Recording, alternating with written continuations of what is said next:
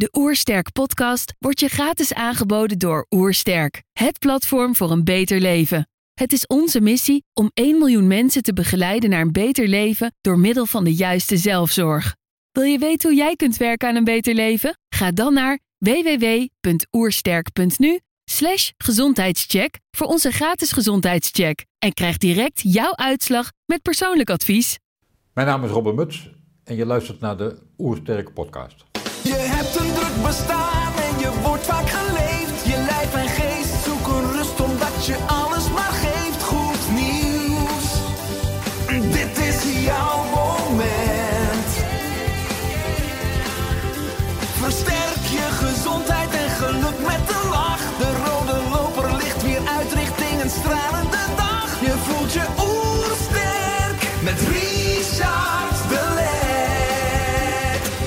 Zijn hier in Heemskerk voor een podcast met Robert Muts. Robert is eigenaar van het Integraal Medisch Centrum in Amsterdam. Ook is hij president van het Europese Academische Netwerk voor Osteopaten. Ik ben benieuwd naar zijn tips voor een beter leven.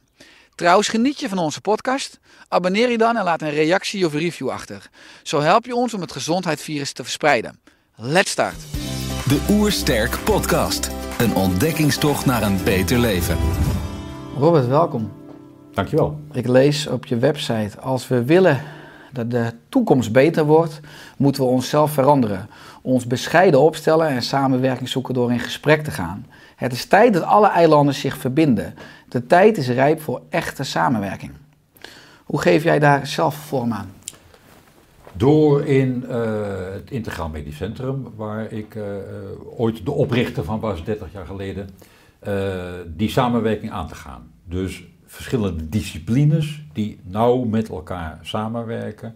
Therapeuten, artsen, psychologie. Op alle fronten bezig zijn met het welzijn van de mens. Ieder op zijn eigen gebied en daarin moet je kennen wat je, of goed snappen wat je kunt. En ook je grenzen kennen, dus snappen wat je niet kan. En daardoor heb je juist die samenwerking nodig. Heel veel verschillende mensen die eh, eh, eh, met één patiënt of met één casus bezig zijn, die hebben allemaal een andere visie. Elk mens, ja ik zeg het allemaal zo, hè, elk mens heeft een ingang, zie de goede ingang te vinden. En dan moet je samenwerken. En, en soms moet je op verschillende terreinen tegelijk werken. Wat wij merken als wij op één terrein aan het werk zijn en tegelijkertijd een, een psychologisch terrein erbij pakken, gaat de genezing vele malen sneller. Synergistisch. Ja, absoluut. Dat werkt. Want vaak moet er ook een knopje daar om, er moet een knopje in het gedrag om, er moet een knopje in het bewegen om. Nou, er zijn meerdere knoppen die er zijn. Maar je moet altijd goed kijken bij elk mens van, ja, hoe kom ik binnen? We zijn niet allemaal hetzelfde. Die- neiging hebben we nog wel eens van, nou, alle mensen zijn gelijk. Eh, ja, dat hebben we natuurlijk in de loop van de tijd een beetje geleerd. Dat iedereen hetzelfde is. Ja, natuurlijk, we hebben twee handen, we hebben twee armen, we hebben twee longen, we hebben allemaal één hart, twee nieren. Dat lijkt allemaal hetzelfde. Maar is natuurlijk helemaal niet zo. Dat weten we ook wel. Hè. Ons DNA is verschillend. Eh, je vingerafdruk is verschillend. Eh, je, zelfs je iris-scan. Nou, we hebben tegenwoordig allemaal moderne middelen om aan te tonen dat we verschillend zijn. Eh, hè, onlangs microbioom. Nou, dat komt ook steeds meer op. We zijn wel, ja. totaal en totaal verschillend.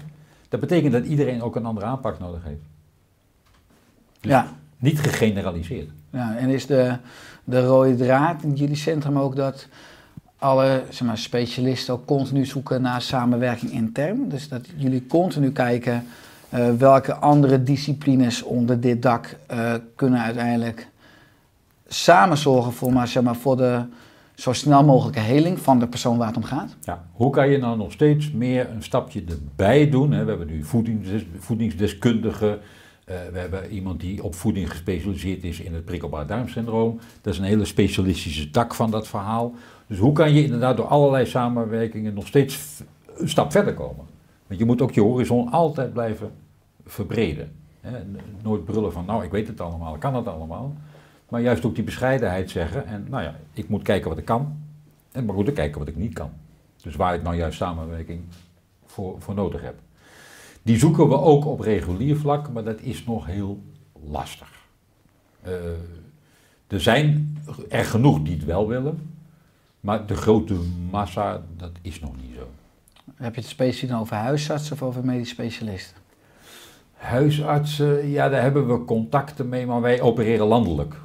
Dus wij hebben niet speciale huisartsen in de regio Amsterdam waar we dan zitten. Van, daar hebben we meer contact mee. Dat is, dat is wel zo, maar er zit geen clan van huisartsen.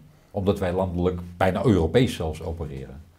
Er er komen patiënten binnen uit Basel en uit Frankfurt en uit Londen. Die komen allemaal naar Amsterdam toe. Die komen allemaal naar Amsterdam toe. Omdat jullie zo goed aangeschreven Ja. staan. Ja. Ja. Het mooie is, zal denk ik in de podcast blijken, aan de ene kant wat ik me al over je gelezen heb en gezien heb, eh, ben je heel erg praktisch, maar ook heel erg filosofisch. Zeker.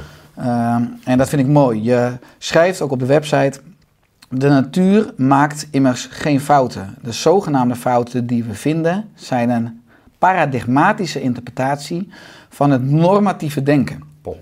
Ja, dat zijn... eh, Mooi gezegd. kun, kun je dat toelichten? Ja, dat kan ik toelichten. Ehm, even het normatieve denken. Normatieve denken is, nou ja, laat ik maar zeggen, 150 jaar geleden geïntroduceerd dat we overal een norm voor maken. Dat komt er bijna hetzelfde op hetzelfde neer van alle mensen zijn gelijk. Hè? We hebben twee handen, een linker en een rechter, dat is een norm. Heb je er maar één, dat is niet goed. Dus ben je gelijk afwijkend. Dan ben je afwijkend. Maar dat gaat zelfs zover over de bloeddruk. Onze bloeddruk is een gemiddelde. 120 om 80, nou is prachtig. Als het, maar dat is je gemiddelde. Is die prachtig? Nou, ik mag ook een lagere bloeddruk hebben als die bij mij past. Of een iets hogere bloeddruk. Op een gegeven moment moet ik een alarmbel hebben. Maar wat we gedaan hebben in de loop van de tijd is de gemiddelde bloeddruk tot norm verheffen. Dat zie je aan een heleboel zaken die, waarin wij meten. Wij willen alles meten van dat is goed. Ja, dat kan bij een individu niet. Een individu is altijd anders. Ehm, Zeg je daarmee, kijk, wetenschappelijk onderzoek doen we bijvoorbeeld op een groep van 10.000 of 100.000 mensen. Daar komt dan een gemiddelde uit van die grote groep. En dat willen we uiteindelijk vertalen naar die ene persoon die voor je ziet. En Ja. dat is dan lastig in de en praktijk. dat gaat eigenlijk niet. Want Mhm. die, die, dat gemiddelde, ja, dat gaat voor 10, 20 procent van de mensen op. De rest is niet, is niet gemiddeld. Dan is het dus alsof iedereen schoenmaat 41 heeft. Ja, nou ja, ik geef veel les in anatomie. Dat is een prachtig voorbeeld. In anatomie hebben we hele mooie boeken, allemaal geweldig. Maar wat er in de boeken staat, zit niet in je lijf. Zo botta. Het is allemaal toch weer net even anders dan wat er in het boek staat. Want Ja. het boek is maar een plaatje van een interpretatie, van een anatoom. Van een natuurlijke variatie.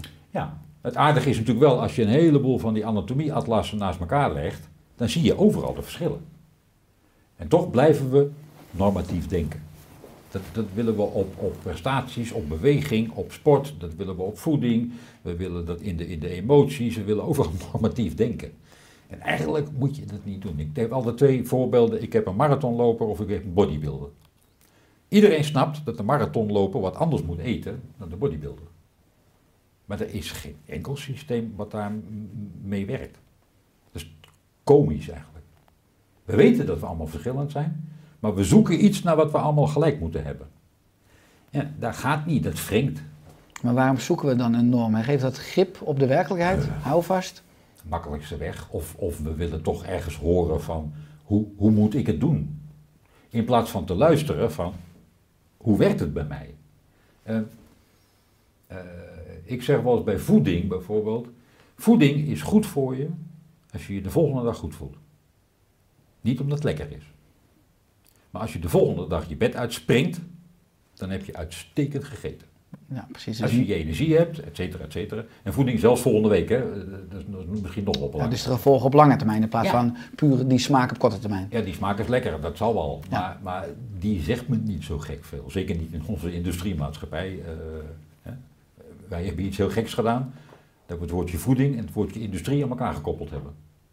Dat zijn twee dingen die niet bij elkaar passen. Voeding is natuur en industrie is door ons gemaakt. Ja, dat gaat niet samen. Dus je moet ook daarin kijken. Wat moet deze individuele marathonloper gaan eten? En dat kan je ook niet uit een boekje halen. Misschien een richtlijn, dat mag. Maar je moet altijd weer kijken van waar loop ik nu beter mee? Zijn dat bananen of is het rijst of is het de carbonade? Dat mag alle kanten op. Maar je moet altijd kijken naar het individu. Nou, zo wil ik proberen te kijken in alles. Eh, eh, van ga nou leren luisteren naar wat je eigen lijf vertelt. In, in, wat gebeurt er in mijn eigen lijf? Dus je moet altijd kijken naar het individu. En kijken naar eh, wat doet voeding of wat doet beweging of wat doet aandacht, wat doet dat met mijzelf? Zonder te kijken naar de norm. Ja, het zal misschien een beetje met onze maatschappij en onze opvoeding of scholing te maken hebben, dat we ergens die norm zoeken. Maar het is misschien juist nu de tijd om het hele paradigma, nou juist inderdaad, om te draaien. Niet van het normatieve uitgaan, maar van het individuele. En daarbij heb ik inderdaad gezegd, ja, de natuur maakt eigenlijk geen fouten.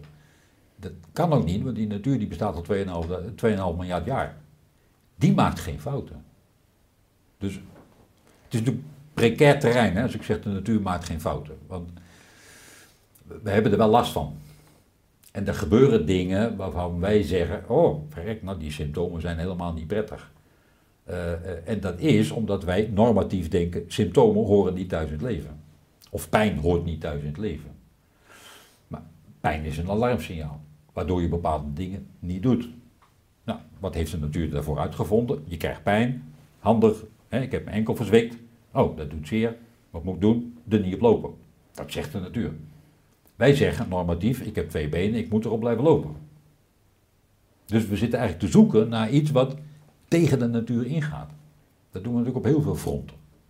We kijken inderdaad ook niet meer naar voeding van, van eh, wat bevalt mij of wat is nou zo hartstikke goed van. Krijg ik voldoende calorieën binnen. Dat is mijn norm. En heb ik voldoende eiwitjes en koolhydraatjes en dat en dat binnen. En al die normen, ja, dat, dat, dat, dat werkt niet zo lekker. Dus het, het leren kijken naar wat, wat doet de natuur met dingen.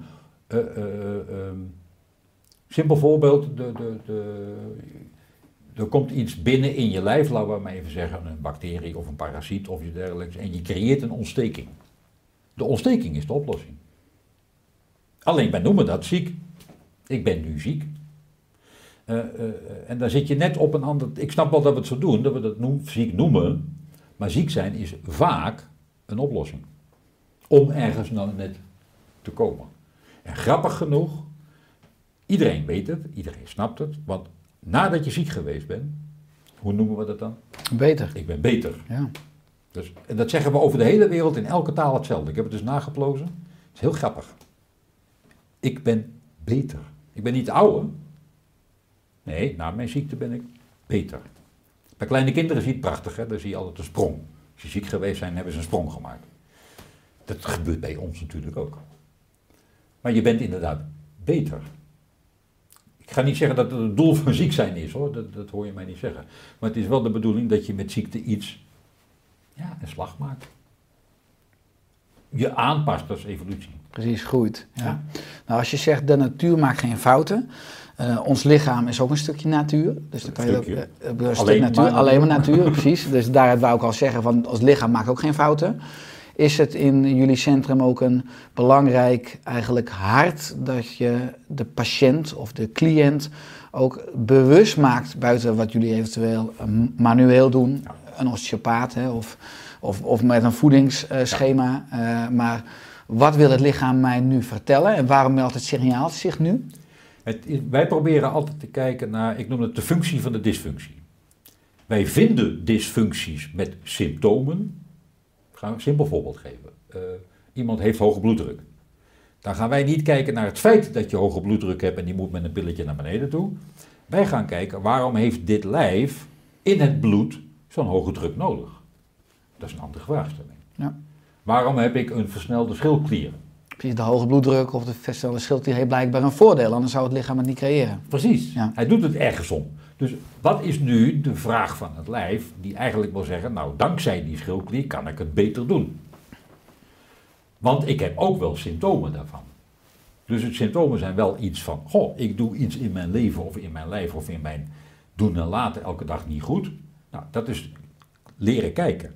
Maar dat is dus op een andere manier leren kijken dan het leren kijken naar eh, ziekte, hm, weg moet die. Of pijn, hm, weg moet die. Of die ontsteking, onderdrukken. Eh, je zeker moet behandelen, daar, daar ben ik het helemaal mee eens, op alle fronten. Maar je moet eerst gaan kijken, wat is het doel eigenlijk? Wat wil het- de natuur in ons lijf, wat wil die er eigenlijk mee zeggen? En zit dat geblokkeerd? Dat kan. Of hebben we te veel in ons emmertje? Ik vergelijk heel vaak, ik vergelijk niet de mens met een emmer, maar wel de problemen met een emmer. Eh, eh, wij zijn geboren met een prachtige emmer. De ene heeft een hele grote emmer, de andere heeft een iets kleinere emmer of een iets flexibelere emmer. En die emmer stroomt, zo is het leven nou eenmaal in elkaar gezet, stroomt heel langzaam een beetje vol. Je hebt een litteken van dit, je hebt een trauma daar gehad, je hebt een probleem daar gehad. Ja, dat is, nou, dan mag je mee verder, dan mag je mee verder, dan mag je weer verder. Maar als die emmer vol is, elke druppel doet hem overlopen. De schuld is niet de druppel. De laatste druppel, ja. Die is de schuld niet. Het probleem is, die emmer is vol. Dus als je nou op een andere manier in je hele leven gaat staan en zorgt dat die emmer maar half leeg is, of half vol, net of je een optimist of pessimist bent. Maar als je daarnaar gaat kijken, dan kan er makkelijk, dan kunnen er een heleboel druppels in. En dan stroomt die ook niet over. Dan hoef je dus ook het overloop, de symptomen, hoef je dan niet te bestrijden. Dan kan je daar prima tegen. Wat zijn in jouw optiek eh, belangrijke tips om ervoor te zorgen dat die emmer niet overstroomt? Nou, dat, eh, één ding zei ik al met voeding. Je moet gaan kijken, wat doet je goed? Waar krijg je energie van? Waar eh, eh, krijgt je lijf een boost van? Waar kan je lang mee, mee, mee, mee voort? Dan moet je ook de hele dag dingen doen ja, die, die bij je passen. Als een marathonloper gaat gewicht heffen, wordt hij niet vrolijk van. Als een olifant in de boom gaat proberen te klimmen, wordt hij niet vrolijk van. Eh, eh, als die bodybuilder gaat hardlopen, wordt hij niet vrolijk van. Dus je moet altijd gaan kijken van wat is er bij mij, waar voel ik me goed in, wat past er bij mij.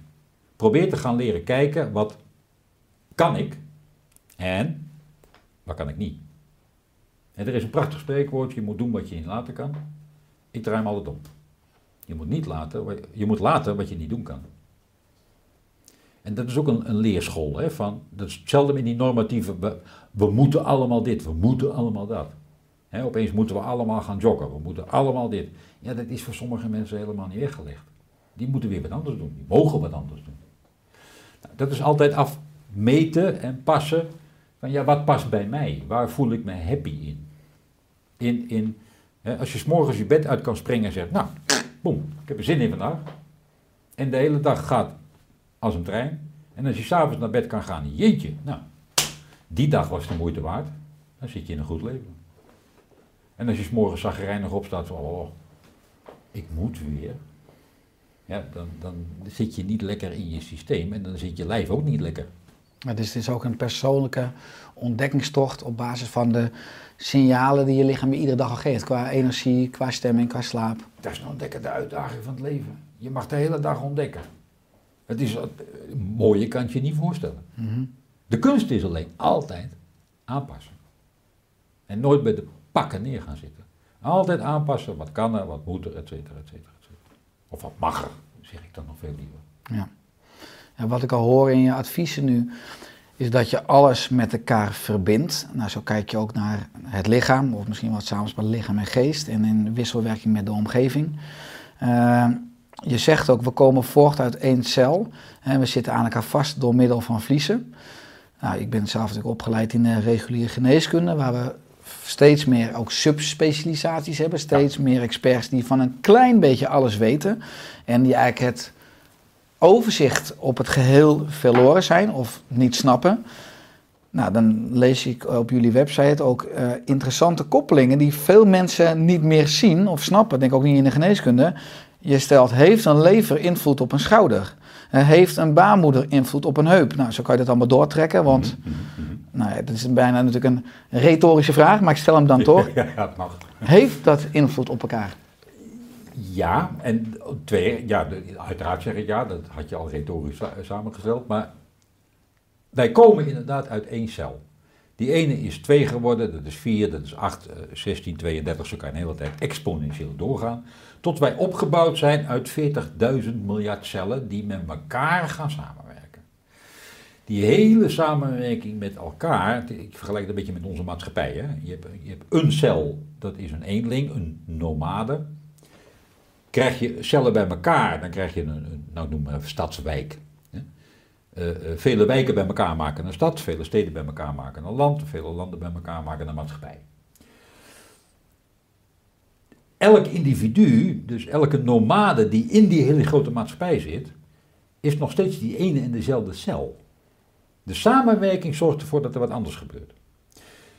Dus in, in basis hebben we alle mogelijkheden en zit daar alles al, al in. En alles is inderdaad per definitie met elkaar verbonden.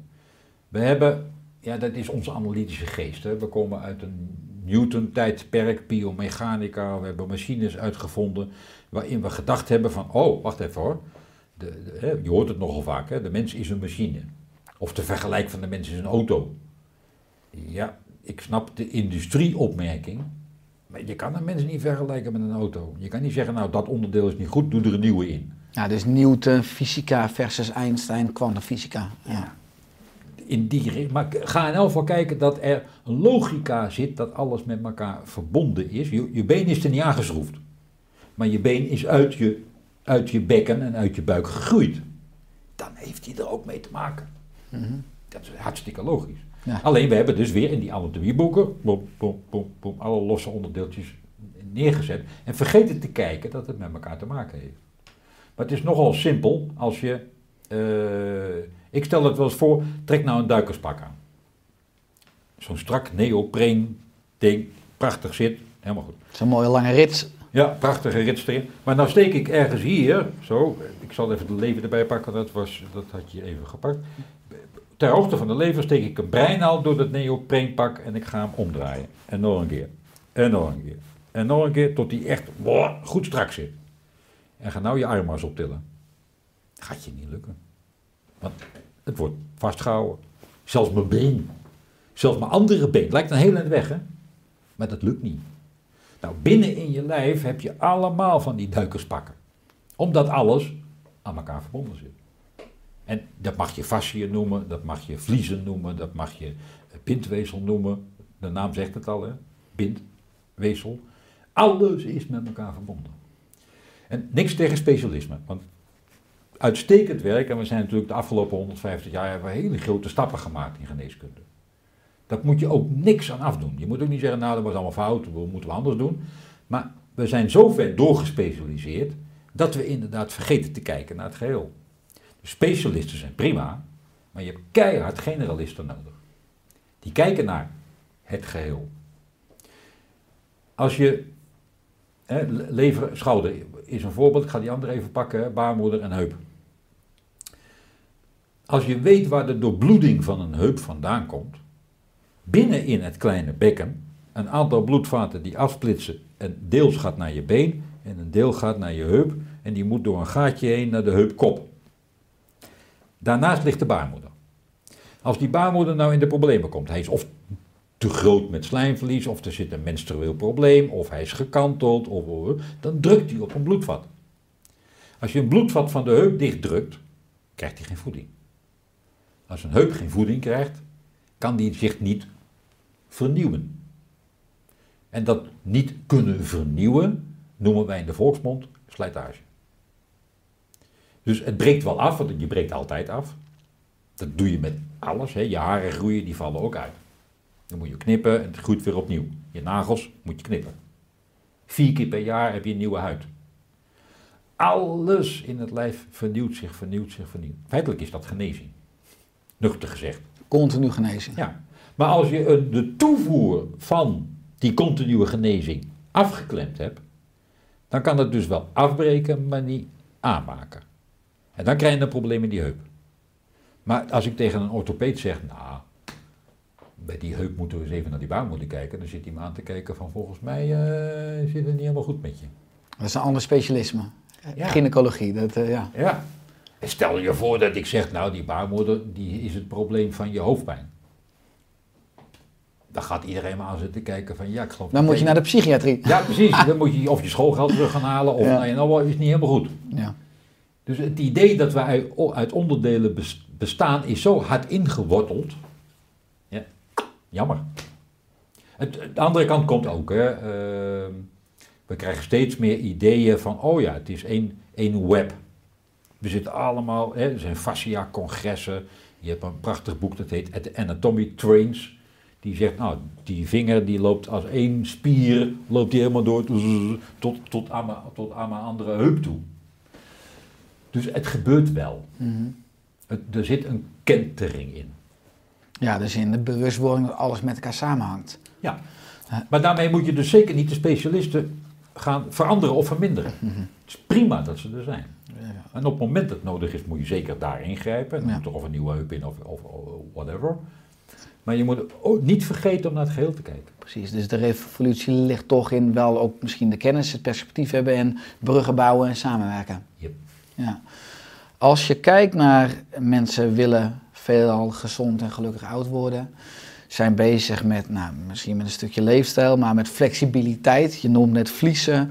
Eh, ik denk dan ook in flexibiliteit en mobiliteit. Is er ook een koppeling tussen dus fysieke flexibiliteit en mobiliteit en mentale flexibiliteit en mobiliteit? Dus zie je ook, dus als je dat concreet vertaalt hoe ik dat doe, dat mensen enorm soms last hebben van ja, verschillende fysieke klachten en verminderde mobiliteit en flexibiliteit, maar ook allerlei mentale thema's hebben. Overtuigingen hebben, negatieve emoties hebben. Mens sana in corporo sano. Zeiden we ooit eens in het Latijn Aristoteles lang heel lang geleden. Gezonde geest woont in een gezond lichaam. Kan het lichaam niet mee, gaat het lijf ook niet mee. Je kan, Oh, je- zeg, je daarmee ook dat je eigenlijk in de geest moet beginnen? Voordat je, of kan je via het lichaam ook de geest beïnvloeden? Zeker, zeker. Eh, eh, d- dan ga ik al een paar oude Chinezen erbij halen, die al 2500 jaar geleden zeiden van er is een orgaan, psyche. Je kan eigenlijk aan iemands psyche zien waar de probleem in het orgaan zit, want het stuurt elkaar. Een, een maagpatiënt, je, je haalt ze er zo uit. Een dikke darmpatiënt of een leverpatiënt, je haalt ze er zo uit. Die hebben een bepaalde gedragsmentaliteit. Dat kan je ik kan het niet aan ziektes koppelen, maar die, die mentaliteit is wel overduidelijk. Dan kun je een voorbeeld geven als je de wachtkamer inloopt, dat je soms als ziet, hey, verrek, die zal waarschijnlijk een pro- probleem hebben aan, aan, aan de lever of aan de maag. Ja, je kan het doen, maar je moet het niet doen. Ja, het, is, het is vaak ook natuurlijk wat ik zelf herken aan mijn eigen praktijkvoering. 12 jaar, 3500 mensen geholpen, dat je ook een soort intuïtief zintuig al hebt. Die, Ja, maar dat is ook een valkuil. ja, exact. Want het wordt self-fulfilling prophecy. Hè? Ik zie het en dan ga ik het net zo lang zoeken tot ik het vind. Ja, onder, de, onder de lantaarnpaal vind je altijd licht. Ja, nou ja, dus oh, ja, precies. Hè? Of eh, een prachtig spreekwoord die ik vaak in lessen gebruik. Als je enige gereedschap een hamer is, zijn al je problemen spijkers. En als je het wil vinden, vind je het. Dus je moet altijd proberen wel blanco te kijken. Het is ook een valkuil. Ja, ook al heb ik een idee van, nou, het zal wel. Nou, goed, ik mag het misschien ergens opschrijven, dat vind ik allemaal prima. Maar ik moet wel blanco gaan onderzoeken. Totaal neutraal. Zonder invloed. Bijna zonder, eh, eh, zonder voorgesprek zou je eigenlijk moeten onderzoeken. Maar je gaat met je hand op zoek dus naar de antwoorden. Ja, Door lichamelijk onderzoek lijf, te doen. het lijf vertelt Het lijf vertelt, ja. Ik behandel veel baby's. Nou, die kunnen niet veel vertellen. Met woorden althans. Ze Vertellen natuurlijk, ze vertellen het met, met Ze lichaam. kunnen vertellen met een lijf. Maar, maar ik hoef niet een anamnese af te nemen om te zeggen van heb je nou honger of heb je een dikke luier of zit je niet goed in je vel of zit je nek niet goed of dat. Nee, dat moet ik onderzoeken. En dat kan. Dat is het mooie. Ik behandel ook af en toe dieren. Nou, die zeggen ook niet van wat heb ik. Maar je gaat zoeken, je gaat kijken. Prachtig. Daar kan je waanzinnig veel mee. Maar zit er dan een, een hiërarchie? Ja, die, die willen we graag. Hè? Mind over matter. Mind is het product van matter.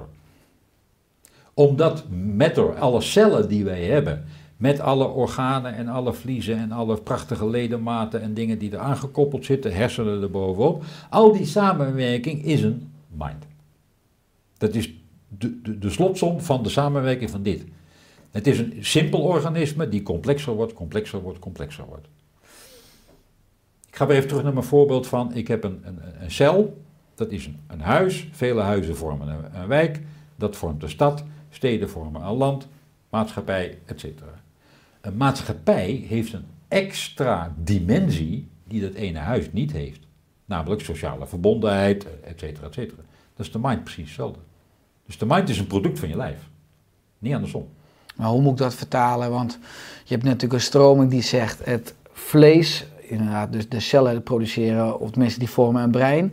En de materie creëert bewustzijn. Dat is misschien dan een beetje Newton. En je hebt natuurlijk bewustzijn als startpunt, veel meer in de kwantumfysica. En vanuit Einstein, eh, wat uiteindelijk ma- materie creëert. En Ja. Dus mind en bewustzijn, hoe moet ik... Ja, ja, wie weet mag het zeggen. Sorry. Nou, ik vind het altijd... Sorry, ja, ik, Ik vind ook- het filosofische vraagstuk al leuk. Ja, om, ik vind het prachtig en ik wil er ook graag over filosoferen, maar ik weiger om een standpunt in te nemen. Nee, dat is prima. Ik houd het graag open. Zolang niemand het weet, en natuurlijk is kwantum nu het ding. Hè? Ehm, ik vergelijk het ook nog wel eens met de uitvindingen die wij doen eh, binnen in de geneeskunde. Toen, toen de, de, eh, we gingen, gingen, op een gegeven moment gingen we brieven schrijven. Dan krijg je een postkoets. En, eh, en daarna hebben we de hormonen uitgevonden. Toen kwam meneer Bell met zijn telefoon. Je kan ook mensen opbellen. Oh, nu zijn de zenuwen uitgevonden. Nu doen we alles via eh, Bluetooth en, en wireless en wifi en weet ik veel wat. En nu gaan we opeens praten over biofotonen en andere systemen. Dus het gaat gelijk met onze mogelijkheid van denken eh, gaat dat op. Dan vind ik het ook gevaarlijk om nu alles op kwantummechanica te zetten. Is er in jouw optiek nog een hoger niveau? Ik- Geen idee. Nee, ik laat hem open. Mooi, ja, want eh, wat ik al zei, eh, dat je het veel dingen enorm filosofisch aanvliegt. eh ook filosofie in de geneeskunde. Ja. Ik vond het prikkelend dat je zei, ter vergelijking, de embryologie is een wetenschap, maar geen verklaring hoe het leven ontstaat. Laat os- osteopathie evenzeer een wetenschap zijn, die de wederzijdse samenhang van structuur en functie bestudeert in het licht van het continu evenwicht van de biologische eenheid. Misschien zijn wij als osteopaten niet de sterkste en misschien niet de intelligentste soort in de geneeskunde, vind ik moedig, maar wellicht de meest aangepaste om zelfstandig te kunnen overleven, met een nadruk op zelfstandig. Hè, ook als je kijkt wat je schetst, dat in Frankrijk veel meer osteopaten zijn dan in Nederland. En dat het, we hier nog in de kinderschoenen staan. Ja, Want zeker. osteopathie heb je natuurlijk ook als president hè, van Ja. het Europese netwerk. Ben je daar enorm eh, veel met hart en ziel mee bezig. Eh, wat je zegt, wel de meest aangepaste. Omdat wij inderdaad niet eh, in de valkuil zitten om, om via allerlei modellen eh, eh, eh, te gaan werken. Wij leggen daadwerkelijk een handen op een lijf en het lijf spreekt.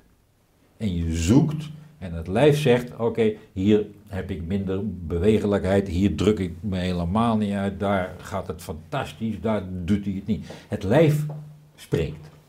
En aan dat lijf spreken kan je gaan nadenken en in de interactie met een patiënt kom je dan tot oplossingen. Onze oplossing ligt in handvaardigheid, dat is ons vak. Wat de patiënt ermee gaat doen is vaak ook, je geeft iets terug. Dat doe je ook inderdaad, zeker op psychisch en op mentaal vlak. Dat moet je ook doen. Van hier zit een probleem, ah, maar dat probleem is niet uit de lucht komen vallen. Dus ergens in je leven heb je iets gedaan wat hiertoe bijgedragen heeft. Nou, laten we er eens over na gaan denken. Hoe kan je dat veranderen? En daar zit ik in die aanpassing. Ja. Ik ben een fervent aanhanger van evolutieleer. Eh, ehm, eh, en, en feitelijk ook de fysiologie. De fysiologie heeft een mooie definitie. Hè? De cel is de kleinst levende eenheid binnenin een organisme dat in staat is tot zelfstandig overleven, bla bla bla, bla. Komma, en iedereen vergeet wat achter de komma staat. Mits in een geschikte omgeving. Dat is hetgene waar het om draait. Pas je altijd aan aan wat er gebeurt. Altijd aanpassen aan de omgeving. En dan moet je soms ook, ook patiënten moeten soms leren om te gaan met datgene wat niet kan. Of niet meer kan. Ja, that's life. Ik heb een jaar of veertig geleden heb ik een beetje pech onderweg gehad. Dan kreeg ik een dichtgeklapte long en die sloeg door tot een dichtgeklapt hartzakje. Dat is redelijk uniek, dat komt niet veel voor. Pneumopericarд met een heel mooi woord. Ehm, nou, dat, goed, daar genees je van, behalve dat mijn hartklep dicht is blijven, eh, open is staan. Ik leef nu 40 jaar met een mitralis insufficiëntie, zoals het netjes heet. Maar ik heb mijn hele leven erop aangepast. Dus ik heb ook geen kunstklep nodig. Ik hoef ook, maar ik moet geen gekke dingen gaan doen. Ik moet inderdaad niet de marathon gaan lopen. Ja, dat kan ik niet. Nou, aangepast. dan doen we dat niet. Wat doe je wel en wat doe je extra? Genieten. Eh, het leven nemen zoals het is. Dus inderdaad, ik doe extra, extra aanpassing en extra goed luisteren naar wat mijn hart zegt. Dat moet je niet doen. Dat kan je niet. Ik kan prima fietsen, ik kan ook nog hardlopen. Ja, Geen probleem. ja. Ik, eh, eh, ik ben heel graag in de bergen. Dat vind ik geweldig. Maar eerste twee dagen in de bergen, ik moet me aanpassen. Want er is een luchtdrukverschil, er is een zuurstofverschil. En mijn hart trekt dat niet in één keer. Oké, eerste twee dagen rustig aan. Klaar. Aangepast. Systeem aangepast, ja. Want het is niet het enige, want onder andere in je eerste 30 jaar van je leven heb je onder andere darmkanker overwonnen. Nou, je zegt de hartklep en ook eh, je eeuwigdurende rugklachten. Ja. In, in, inmiddels achter je gelaten. Inmiddels achter me gelaten. Ja. Nou ja, het probleem, ik heb een afgegleden rug, ruggenwervel. Dus de onderste L5 is afgegleden anderhalf centimeter naar voren toe. Ja, die zit er nog. Maar ik heb er geen last van. Je systeem is erop aangepast. Ja, en ik heb mijn leven aangepast aan mijn rug. Dus ik ga nooit gewicht tillen. Dat zou, ik- zou ik nooit doen. Het is ook uit mijn, echt uit mijn leven. Dus als er iets getild moet worden, ik begin gelijk te gillen en te brullen van, oh, ik niet. Ik vind prima dat iedereen tilt, maar ik niet. Want mijn rug doet dat niet. Dan moet ik het ook niet willen. Maar is dat... Ja, sommige mensen die zijn natuurlijk continu bezig met de maakbaarheid. Als je zeker in, in een integraal medisch centrum werkt, zijn er niet specialisaties die die wervel weer kunnen eh, terugzetten, om manueel kunnen oplossen. Zo'n afgegleden, afgegleden wervel niet. Dat- dat Nee, is nee, niet mogelijk. Je Ja. kan hem orthopedisch vastzetten. Precies, met een operatie. Met plaatjes en schroeven, ja. Ja, en dan Ja. heb ik een vastgezette rug. En Maar dan je- dan je- weet ik dat ik ook niet meer kan tillen. Dus dat helpt me niet. Exact. Maar je hebt geen last van de zenuwen die je inderdaad... eh, Nee. nee. Omdat ik het wel inderdaad door zoveel soepel... Ik blijf natuurlijk altijd in beweging. En zorg ervoor dat ik zo min mogelijk een zittend beroep heb en een werkend beroep heb. Dat ik een staattafel heb, dat ik dat aanpas, dat ik veel ga wandelen, dat ik dit doe. Dat, ik- ja. En, en, en, en ja, tegenwoordig heet dat core stability. Vroeger heette dat rugspieroefeningen, maar oké, dat heet nu core stability. Moet je natuurlijk wel opbouwen, want je spieren moeten dan de klap opvangen.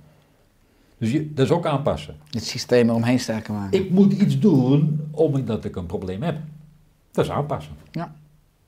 Dat, dat, is zo. Ja, en als je het hebt over eh, de darmen en over voeding. Ik eh, lees dat je bijna volledig, wat je zei, achter het oerdieet staat. En persoonlijk heb ik in de loop der jaren ontdekt wat niet goed voor mij is en wat juist gezond, CQ voedend voor mij is.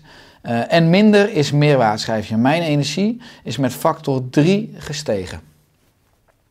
Ja. Doe je ook dat, dat je daarmee minder vaak eet, qua frequentie? Ja, dat heet tegenwoordig... eh, Intermittent eh, fasting? eh, intermediate fasting, maar dat, dat deed ik al, al, al doe ik al 40 jaar. Eh, alleen weer niet zo letterlijk van, nou dan moet je het ontbijt overslaan, dan moet je dit en dan moet je dat. Eh, eh, ja, ik heb, ik heb embryologie en anatomie en Ayurveda bij elkaar gekoppeld. En waar kom je dan op neer? Hoe, wat moet je nou eten? Je maag is precies zo groot als je hand. Dus bij elk mens zo. Zijn ook Chinese maten die allerlei maten van jezelf opmeten. Je hart is net zo groot als je vuist, je milt is zo groot als je vuist, et cetera. Dus Dat is allemaal aangepast, dat is logisch. Hè? Dus je maag is net zo groot als je hand. Nou is die natuurlijk driedimensionaal. Dus de inhoud van je maag kan je daarmee redelijk berekenen. Nou zegt de Ayurveda, hè, de oeroude Indische geneeskunde, een maag mag gevuld zijn met 33% vast voedsel bij een maaltijd. 33% vloeibaar voedsel. Moet je wel bedenken dat in groenten zit ook vloeistof. En 33% met niks. Anders kan die namelijk niet kneden. Dat is heel logisch. Als je nu dat bij elkaar optelt, 33% vast plus 33% vloeistof, dan hou je dit als maaltijd over. Twee handjes. Twee handjes. Ja. Dat was hem. Nou, dat kan drie keer per dag als je tussendoor niks eet. Dus we hebben eigenlijk het allemaal veel te complex gemaakt. Of er is een industrie ontstaan die het de hele dag wil laten eten, laat ik het zo zeggen. Dat is het. En allemaal tussendoortjes. Je kan, je kan, eh, als je door de supermarkt loopt, je ziet alleen maar tussendoortjes. En, en, en ergens aan de rand staat ook nog het goede eten, zullen we zeggen. Dat is een beetje flauw, maar Zo werkt het wel. En en waarom hebben we in onze tijd zoveel maagverkleiningen nodig? Hoe krijg je zo'n maag zo groot? Nou, is niet moeilijk. Heel veel instoppen. Ja, dan wordt die wel groot. Maar pas je aan. Ja. Ja. En dan heb je het volgende, we lopen allemaal in die duivelskringen. Ik heb veel eten in mijn maag gestopt. Mijn maag groeit uit.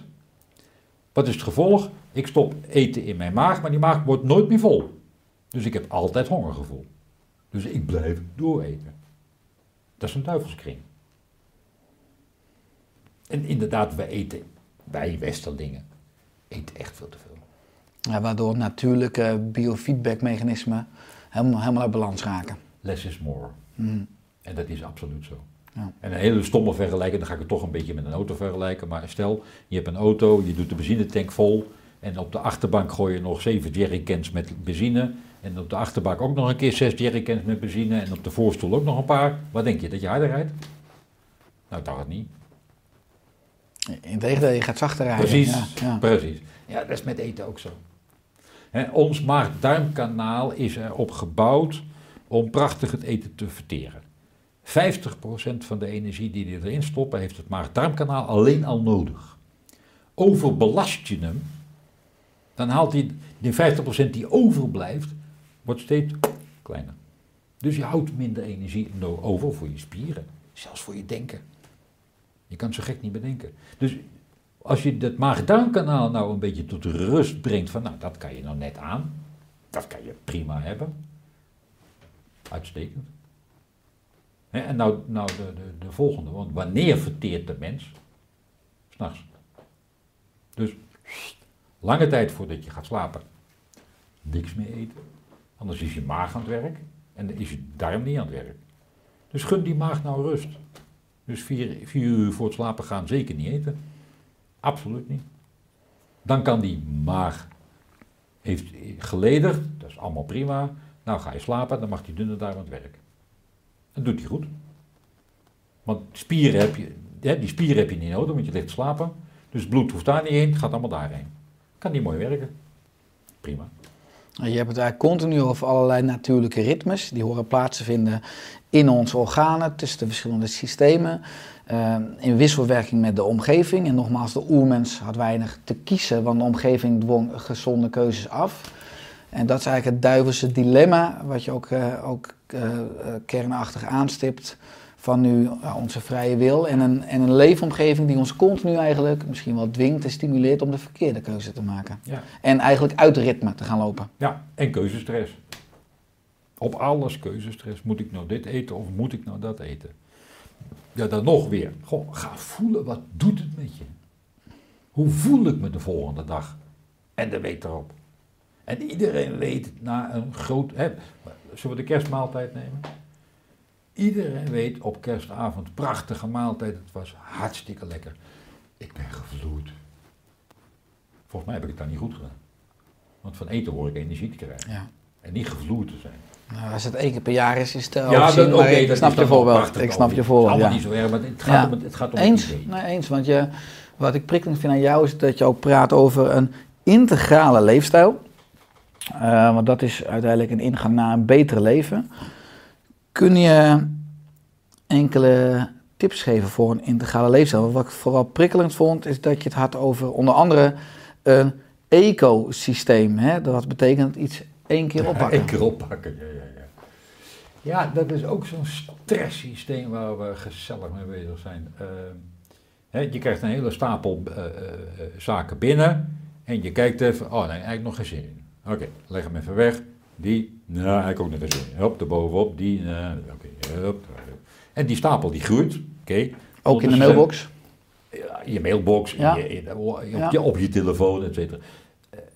Ondertussen zijn we met andere dingen bezig en dan denk je, oké, nou, nou ja, god, die stapel, ja, vervelend hè, dus ik ben al met gedachten bezig. Nee. Eh, dan pak ik het nog een keer op en dan ga ik het weer zitten lezen. Nou, nee, eigenlijk geen zin in, Bob. Derde keer ga ik het weer lezen, dus ik heb het drie keer gelezen. Mhm. Helemaal niet nodig. Eén keer oppakken, dus eco. Eén keer oppakken, heel simpel. Eén keer oppakken, uitvoeren, wegwezen. Dan is het van je af. En dan hou je alle tijd over. En dan hou je meer tijd over hoor. Dat is het aardige. Ja. En qua ontspanning, beweging of voeding, wat past binnen een integrale leefstijl? Datgene waar je je lekker bij voelt.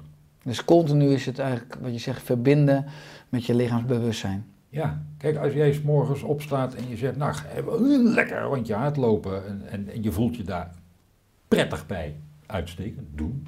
En eh, ik moet eigenlijk van de dokter hardlopen. Dat moet je niet doen. Maar je kan zeggen soms, als mensen zeggen van ja, het voelt niet goed. Ik bedoel, dat veel mensen ook een oerbrein. En de oerbrein zegt, eet nou nog maar even wat extra als je kan. Eh, blijf zitten eh, als je kan blijven zitten. Dus puur vanuit ook onze evolutionaire instincten. Die uiteindelijk energiemaximalisatie willen. Dus zoveel mogelijk eten, zo weinig mogelijk bewegen. eh, voorkeur voor prikkels.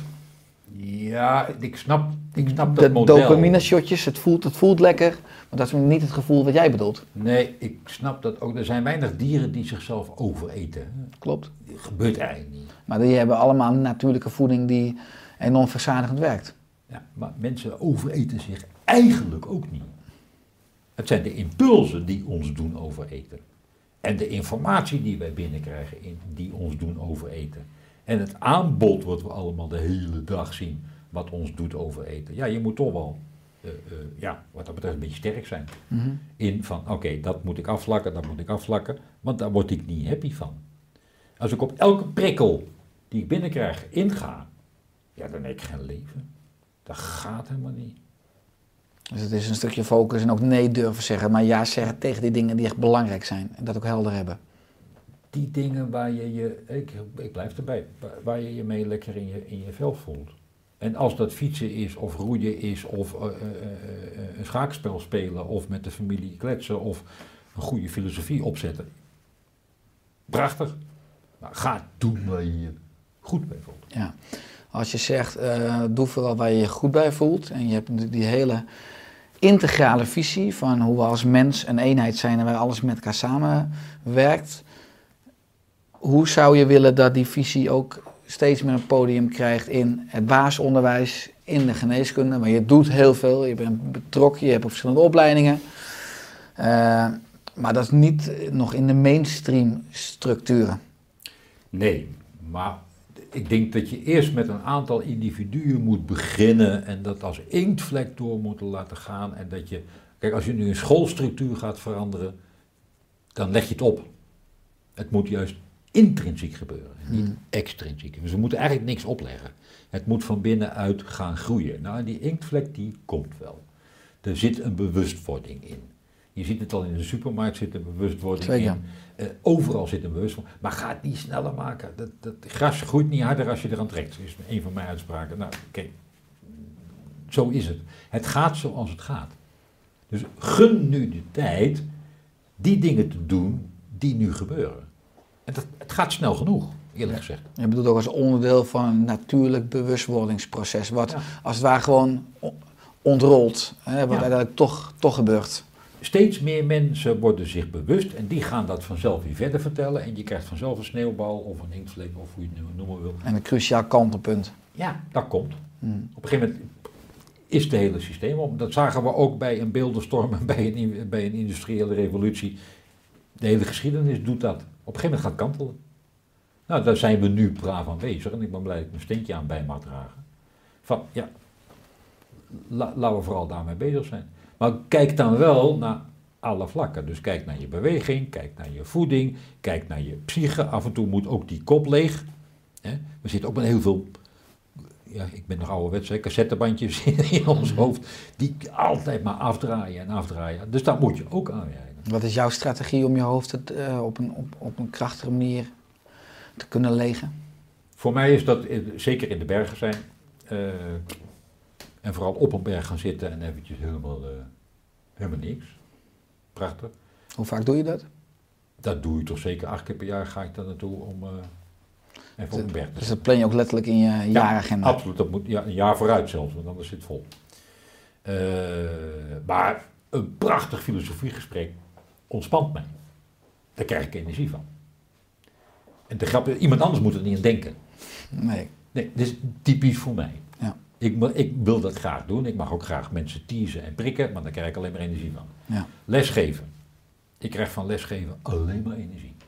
word er nooit moe van. Nee, dus je bent na een dag voldaan in plaats van uitgeput. Ja, absoluut. Ja. Ik heb er zin in. Dat is ook een goed signaal, eigenlijk, of je op het juiste pad bent. Als je het einde van de dag voldaan moe bent, is het compleet anders dan uitgeput nu. Want dan, dan heb je waarschijnlijk niet de juiste activiteiten gedaan. Yes. Ja.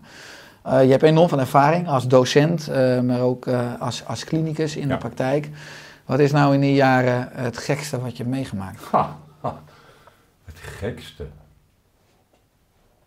Oh, die zit leuk in, de, in, de, in, in, in, in, die, in die, het idee van mind and, matter. Er kwam een patiënt bij mij, die al de- 15 jaar geleden, dik.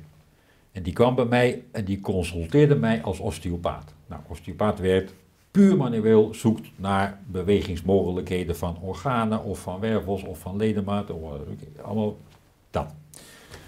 En die zei, ja, ik kom bij je, want ik eh, kan niet verliefd worden. En ik trapte er eerst nog even in van, ja, weet je, je maakt een grapje, want daar kom je eigenlijk niet voor bij mij, je moet naar een psycholoog. Dus ik trapte in mezelf eigenlijk. Toen dacht ik, nou oké, laat maar. Hij was overtuigd, hè, van ik moet naar jou toe. En eh, oké, ik zeg, nou oké, ga maar liggen en ik ga hem onderzoeken. Vind een aantal dingen, ik ga lekker niet vertellen wat, want dan het moet geen, geen, geen, geen recept worden. Hè. Ik vond een aantal dingen, kreeg hem beter in zijn vel, beter in zijn vrijheid. Twee maanden later kreeg ik een mooi mailtje. Dank u wel, ik ben verliefd. Ik vond het een prachtvoorbeeld. Mooi, mooi Ik ja. vond het een prachtvoorbeeld. Mooi, mooi voorbeeld. En omdat je ook buiten bestaande lijntjes tekent, verbindt, wat je ook zegt soms in de zoektocht met, eh, met huisartsen en medisch specialisten, krijg je ook veel kritiek of wind tegen. Eerlijk gezegd, Of bijna niet. Ja, er zal er altijd eentje tussen zitten. Eh, en hoge bomen vangen nou eenmaal veel wind. Maar eh, als je veel wind vangt, krijg je sterke wortels. Quite simpel. Dus ik Dat- ben er ook wel blij mee. Dat is ook omdenken. Maar als je kijkt naar de natuur, begrijp ik dat de natuur en bepaalde principes uit de natuur ook doorgevoerd zijn in, eh, in jullie integrale centrum. In, Ja. in, in, in het materiaal, maar ook in de, in de ruimtes en hoe de ruimtes verbonden zijn. Ja. Hoe, wij met elkaar verbonden zijn, hoe onze ruimtes met elkaar verbonden zijn, hoe wij als therapeutenteam met elkaar verbonden eh, is. En waar we ook met patiëntenpopulatie voor pleiten. Ik had het even over die emmer, de druppel die de emmer doet overlopen. Waar wij sterk voor pleiten is, kom nou met regelmaat, net als je naar de tandarts gaat, in een preventieve controle dat die emmer leeg blijft. Want nieuwe druppels komen er dag in, dag uit. Dat houden we niet tegen. Dus je krijgt altijd wel, soms heb je pech en soms heb je een trauma en soms gebeurt er dat en soms gebeurt er dat. Ja, dat is zo. Dus hoe leger je emmer is. Dus ook daarin hè, van, van, van samenwerking op preventief terrein. En dat geldt dus inderdaad voor de psyche net zo hard. Ja, maar het is wel interessant als je zegt dat, als je kijkt nu bijna 100 miljard euro ziektekosten, eh, dat er ongeveer een half procent uitgaat naar primaire preventie. Om het voorbeeld te nemen van de emmer. De emmer stroomt over Ja. en iedereen is druk bezig met dweilen. Met dweilen, ja, En niemand vraagt zich af waar zit de kraan en waar komen alle druppels vandaan. Eh, dus uiteindelijk is de revolutie natuurlijk dat mensen twee keer per jaar, vier keer per jaar, ook eens één keer per jaar preventief naar nou, osteopaat, Ja. Ja, hoor, de- de een orthomoleculair natuurgeneeskundige, wat mij met de hele complementaire geneeskunde die wat meer bezig is met vitaliteit en, en, en holisme en eenheid. Ga- zou- die revolutie van, vanuit noodzaak aankomende jaren gaan plaatsvinden? Zeker. Maar de druk moet komen van de patiënt. Van onderaf, Ja. vanuit de patiënt, vanuit Absoluut. de behoefte en de hulpvraag. Ja, daar moet die vandaan komen van jongens, geef, geef ons de mogelijkheid om dit te mogen doen. En ik hoop, en ik hoop van ganse harte dat er een paar universiteiten zo wakker worden en zeggen, oké, wij gaan dat wel in kaart brengen. En we gaan er research op doen. Eh, eh, ik, ik, heb, ik vind het alle onderzoek prachtig, ik heb er geen tijd voor. Dus als mensen dat willen doen, graag, kom dan. Ik heb ook de centjes niet. Eh, zo, zo- rijk ben ik niet. kost een bak geld, Ja, zeker. dat precies. En universiteiten hebben dat wel, of de overheid heeft een potje, ik vind het allemaal prima. Eh, In plaats van kritiek leveren, zeg dan, oké jongens, misschien geloven we het niet helemaal, maar je krijgt in elk geval de voordeel van de twijfel, dus doe je best. Want het, het grappige is ook hoor, complementaire geneeskunde die we nu wel een beetje gaan accepteren. Het is veel ouder dan reguliere geneeskunde. We hebben toch een maatschappij opgebouwd die zegt, nou regulier dat is het. En de andere, nou... hm, hm. Ja, maar wat je daarmee zegt weer, als we weer terugkomen bij het normatieve denken, is dat de complementaire geneeskunde of werken met intuïtie, gevoel, met je handen, met fascia, met voeding en met beweging, met mindset, met ontspanning, is ook als je kijkt naar Hippocrates, Aristoteles, is dat de oorspronkelijke reguliere geneeskunde. En nu de Ja. chemische farmaceutische geneeskunde is eigenlijk relatief nieuw. Dat is eigenlijk de alternatieve geneeskunde. Alleen we hebben, Ja. we hebben normen en aanwijkingen Ja, omgedraaid. ja, zeker, zeker, zeker, zeker. Maar dan moet je ook niet vergeten dat al die dingen zijn allemaal, grappig genoeg hè, 150 jaar geleden ontstaan. Dus de, de homeopathie, Hahnemann, 150 jaar geleden.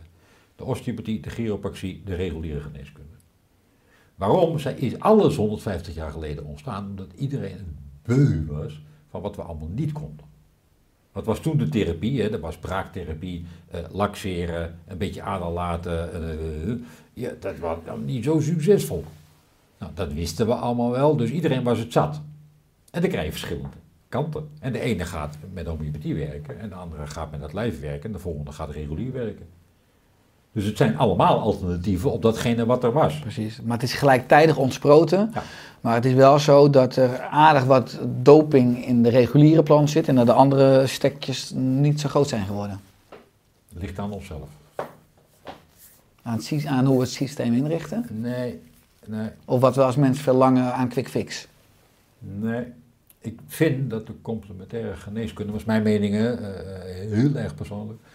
Ik vind dat de complementaire geneeskunde te weinig eh, eh, kracht toont.